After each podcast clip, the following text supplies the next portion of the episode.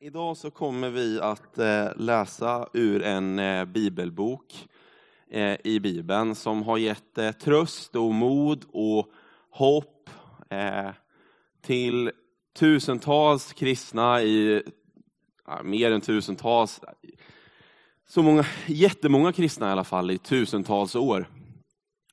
Men vi kommer också läsa ur en bibelbok som ibland har misstolkats och missförståtts kanske mer än någon annan bibelbok. Idag kommer jag läsa ur eh, Uppenbarelseboken kapitel 5. Och mitt mål med den här predikan idag är att vi ska upptäcka det hopp, eh, det hopp som finns hos Gud. Vi ber.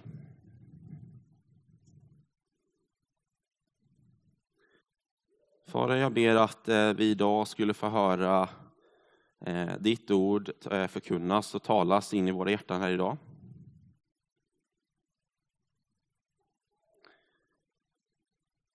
Heligande, vi ber om din ledning och vi ber om vi ber om att du skulle få påminna oss, påminna oss extra om hoppet och om äran som finns hos Jesus.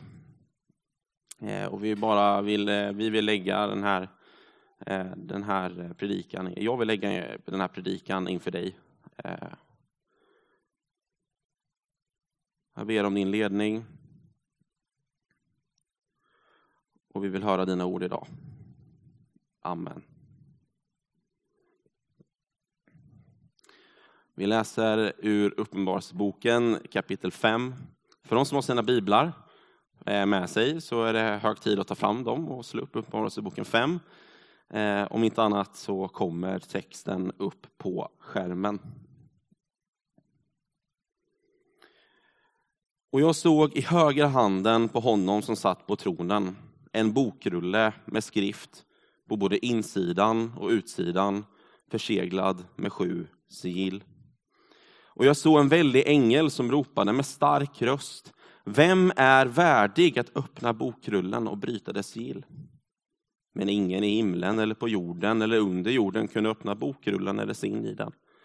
Och jag grät bittert över att det inte fanns någon som var värdig att öppna bokrullen eller sin i den. Men en av de äldste sa till mig, gråt inte. Se, lejonet av Judas stam, Davids rotskott, han har segrat. Han kan öppna bokrullen och dess sju sigill.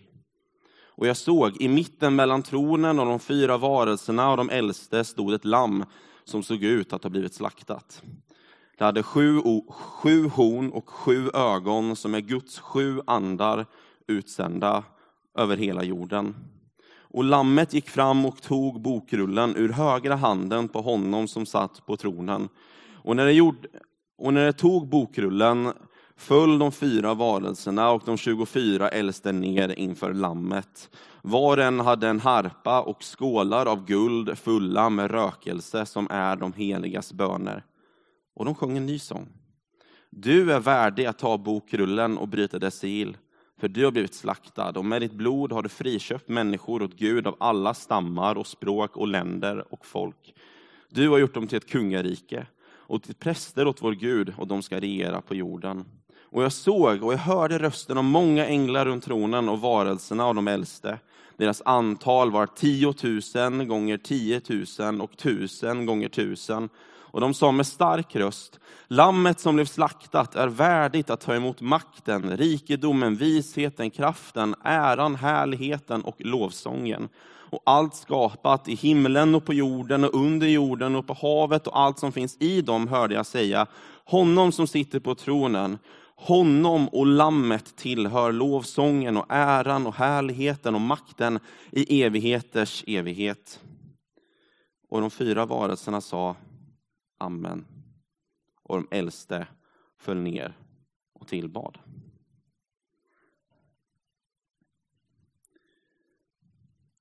Den stora frågan som eh, Johannes försöker besvara i Uppenbarelseboken är vem som egentligen har makten i skapelsen.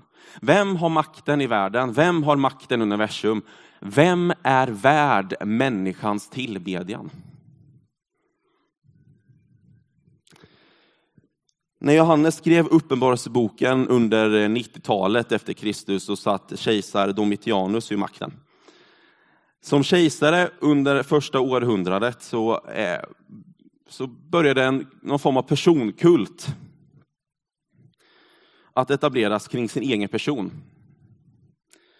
Den startade egentligen, vad jag har förstått det som, så startade den egentligen från kejsar Augustus, där man liksom började sätta den här kejsardyrkan i system. Kejsaren blev en form av inkarnerad gudason. Man instiftade högtidsmånader åt kejsaren. Man lovade trohetslöften åt kejsaren.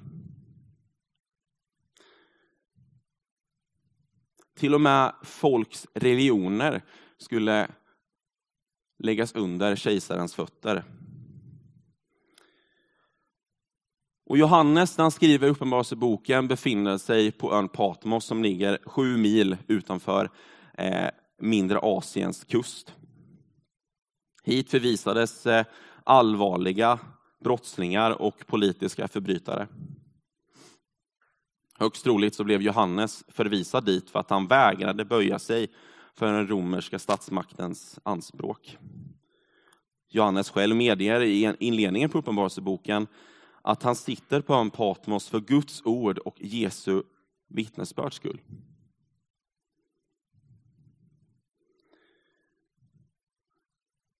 Det fanns ett socialt tryck i, romerska, i romarriket i den här tiden som var otroligt stort. Trycket att följa strömmen var enormt.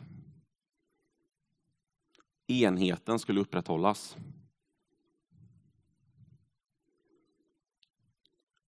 Och bara det att man förväntades att på något sätt tillbe kejsaren som vår Herre, ja, men det skapade en påtaglig samvetskonflikt för de första kristna.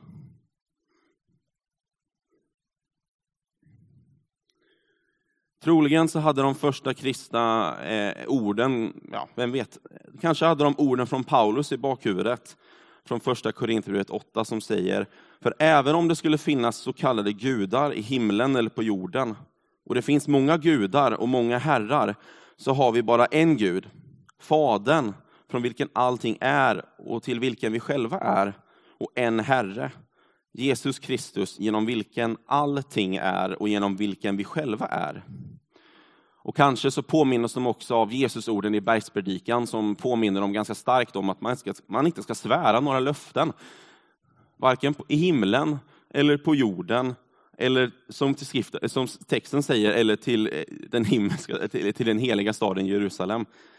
Alla löften vid sidan av ja eller nej är från den onde, säger Jesus.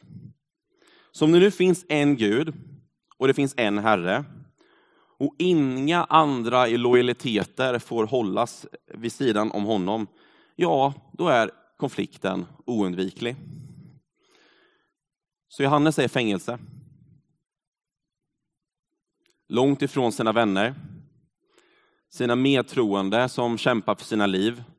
De eh, utsattes för fysisk smärta troligen och psykiska påfrestningar i ett samhälle som eh, verkligen tryckte på att man skulle böja sig för statsmakten.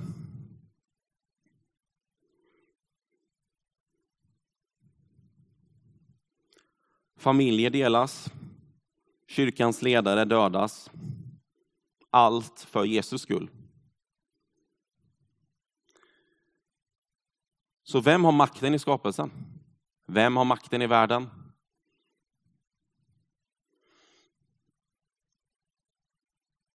Och Johannes eh, uppenbarelseboken blir på något sätt en protestskrift eh, mot den romerska statsmakten.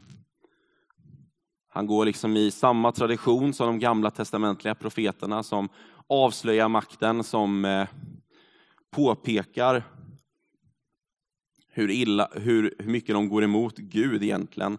Och med ett klarsynt bildspråk så ger Johannes tröst, mod och hopp till, sina, till de lidande kristna i mindre Asien. I texten vi läste så får vi se, märker vi att Johannes får se han som sitter på tronen. Underförstått, Gud Fadern. Och i sin högra hand, maktens hand, så håller han en bokrulle med sju sigill. Bokrullen, vad jag förstått det som, är en bild på typ Guds slutgiltiga räddningsplan. Hans plan för historien. Hur han ska avsluta den och fullkomna den. Och de här sigillen en symbol och de hade som syfte att på något sätt eh, hålla innehållet intakt. Det, befäster in, det bekräftar innehållet också, som att det är eh, trovärdigt och att det befäster äkthet. Att inget sigill har brutits än tyder också på att ingen kan komma in i innehållet. Ingen är värdig att bestämma över världens framtid. Vi läser i vers 2 att ängeln ropar med en stark röst. Vem är värdig att bryta dess sigill? Och föreställer nu när de första åhörarna av Uppenbarelseboken hör, hör innehållet. Jag kan tänka mig att de sitter där och de hör ängeln och de försöker spetsa sina öron så mycket som möjligt. För det är exakt det här de genomgår. Det är exakt det de vill ha svar på. Vem har makten över historien? Vem ska vi tillbe?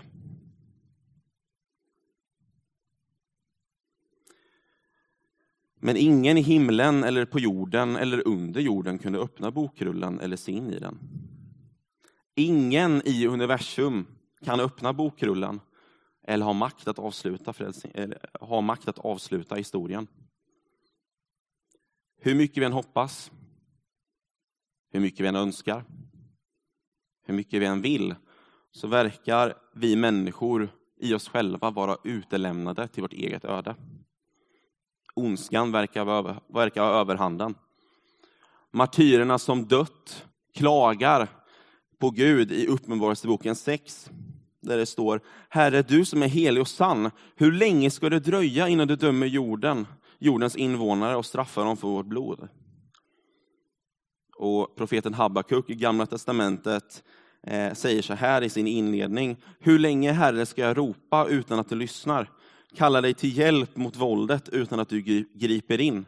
Varför låter du mig bevittna ondskan? Hur kan du åse förtrycket? Våld och skövling vart jag än ser, tvister blossar upp, split måste jag uthärda. Så förlamas lagen. Rätten kan inte hållas ur makt. De rättfärdiga omringade av gudlösa. Så hålls en förvänd, förvänd rätt vid makt. Johannes gråter bittert. Johannes gråter bittert. Johannes som själv definierar sig i Johannes evangeliet som lärjungen som Jesus älskade. Lärjungen som vikt sitt liv åt Jesu efterföljd sedan tidigt tonår. Lärjungen som högst troligen tjänade som församlingspastor eller församlingsledare i mindre Asien. Han är inför Guds tron och gråter bittert. Någon annan än Gud verkar ha makten. Läget verkar hopplöst.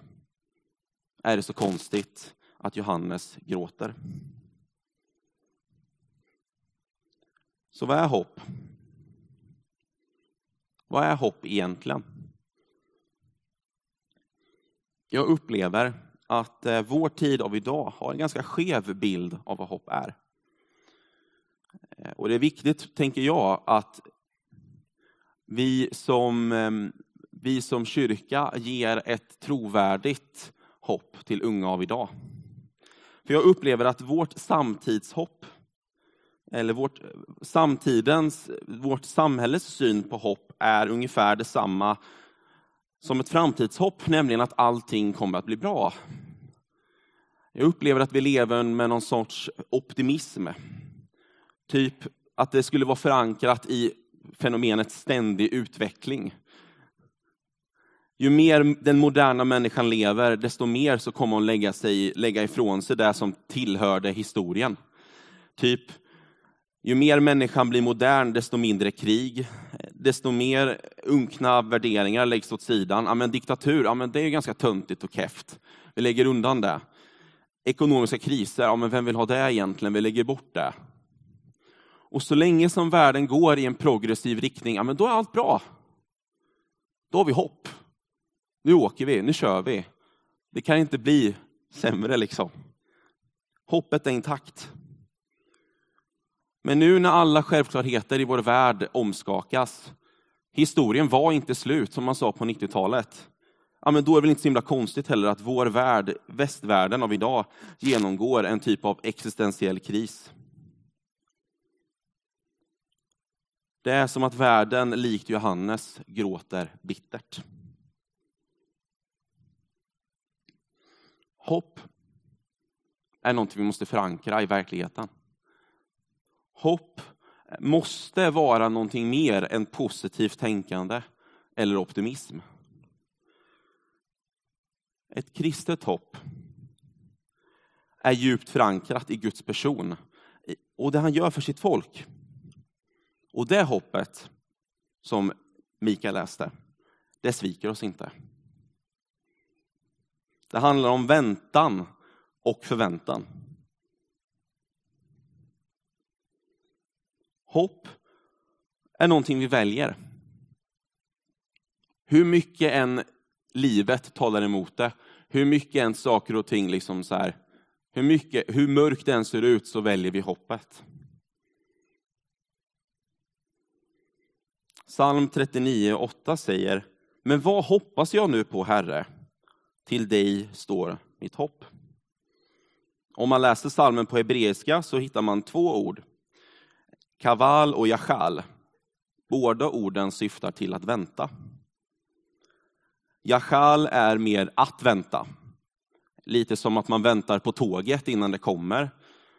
Eller för att koppla till Bibeln, ja, men lite som Noas ark väntade på att vattnet skulle flyta undan. Att vänta. Ordet kaval handlar mer om en känsla av eh, motstånd eller förväntan medan man väntar. Så psalmisten uttrycker sig ungefär så här. Vem kan jag sätta min förväntan till? Till dig sätter jag min väntan. Hopp är ett val som vi gör, som är djupt förankrat i Guds person. I den han är och vad han gör för oss och hur han visar sin, och hur han visar sin trofasthet så som han har uppenbarat sig för oss i historien. Vi hoppas på framtiden genom att vi kollar bakåt. Profeten Habakuk säger, Herre, jag har hört om dina gärningar. Jag har sett dina verk. Förnya dem i denna tid. Ge det till känna i denna tid. Minns i dess oro din barmhärtighet. Eller som profeten Mika säger i Gamla Testamentet, men jag spanar efter Herren. Jag väntar på Gud, min räddare. Min Gud ska höra mig. Förväntan och väntan. Även om läget verkar hopplöst så finns det hopp. För den äldste säger till Johannes, gråt inte. Någon har makten att gripa in i historien. Någon har makten att leda historien mot sitt slut. Och den som har makten, det är lejonet av Juda. Lejonet i, gamla, i judisk tradition är symbolen egentligen för det mäktigaste vilddjuret i skapelsen. Och lejonet av Juda är en, också en symbol för en kommande Messias. Det hittar vi i Första Mosebok och i Sakarja bok exempelvis.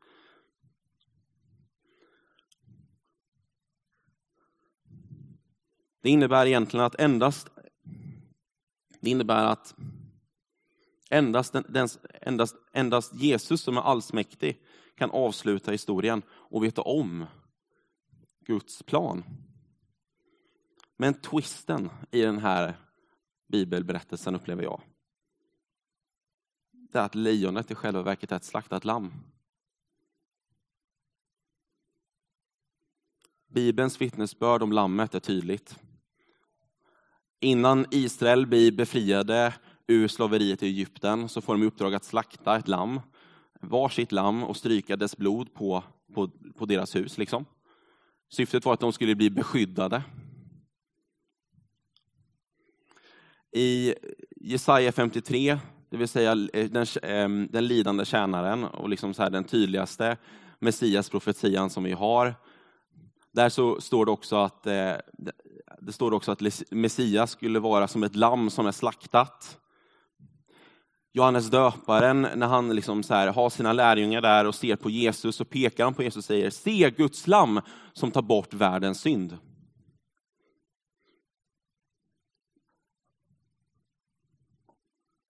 Det slaktade lammet är historiens herre.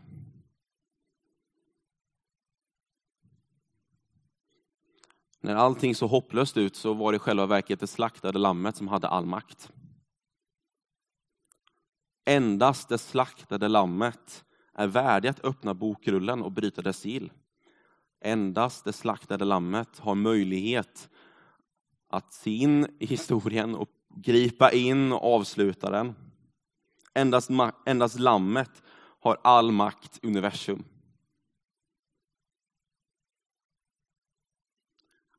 Politiken har i alla tider försökt att kräva makt ovanifrån.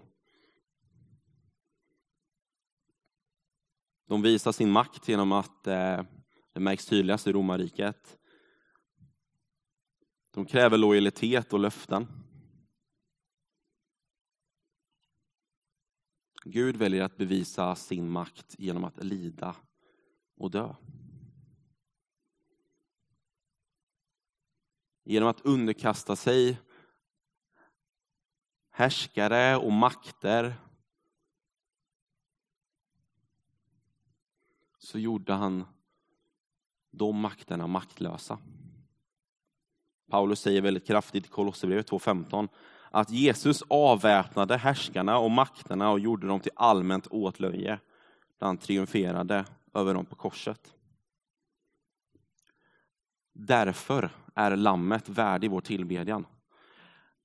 För lammet, som texten säger, för lammet som blev slaktat är värdigt att ta emot makten, rikedomen, visheten, kraften, äran, härligheten och lovsången.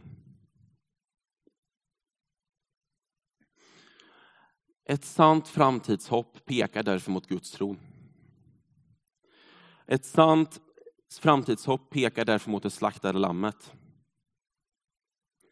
I hopplösheten, när allting ser mörkt ut, när, när lammet i själva verket verkar vara dött, då vänder det. Livet segrar. Det, sargade, det slaktade lammet är vårt hopp. Han har makten. Han är vår förväntan. Jesus är den som du kan sätta ditt sanna hopp till. Han är värdig all vår tillbedjan. För att Jesus har blivit slaktad och med ditt blod har du friköpt människor åt Gud av alla stammar och språk och länder och folk. Men en upphöjde Kristus räds aldrig att möta dig och mig. Vi läser i Uppenbarelseboken Eh, 1 och 17. När eh, Johannes får möta liksom den här liksom när, när Johannes får möta liksom Jesus och liksom så här slås av hans härlighet. Liksom. Det är ett ganska tufft möte. För Johannes föll ner som död för hans fötter. Men han la sin högra hand på mig och sa, var inte rädd. Jag är den första och den sista och den levande. Jag var död och se, jag lever i evigheters evighet. Och jag har nycklarna till döden och, och dödsriket. Jag tror att i tider som den här av oro och av eh, kris och av hopplöshet så tror jag att Jesus vill röra oss med sin mäktiga hand på oss och säga att Jesus har all makt. Jesus har all kontroll. Jesus är vårt sanna hopp. Och Det här grundar sig, och jag tror också Jesus vill påminna, sig, påminna oss om att det är grundat på honom själv. På vem han är och vad han gjort för oss. För som Jesus säger, jag var död och se, jag lever i evigheters evighet. Vi ber tillsammans. Fader, så tackar vi dig för att Jesus är vårt sanna hopp.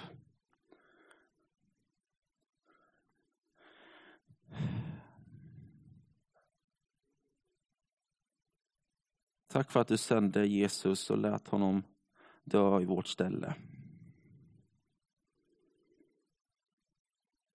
Tack att vi får peka på Kristus och säga han är vårt sanna hopp. Han har all makt och han är värdig vår tillbedjan för det han har gjort för oss på korset.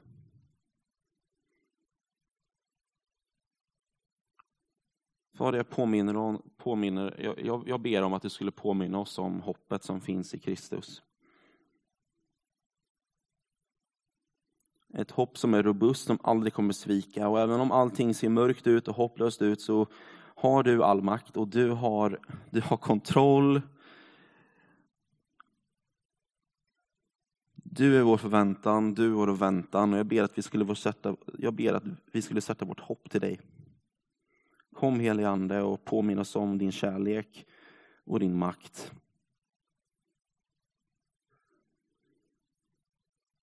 Och vi ber så i Jesu namn. Amen.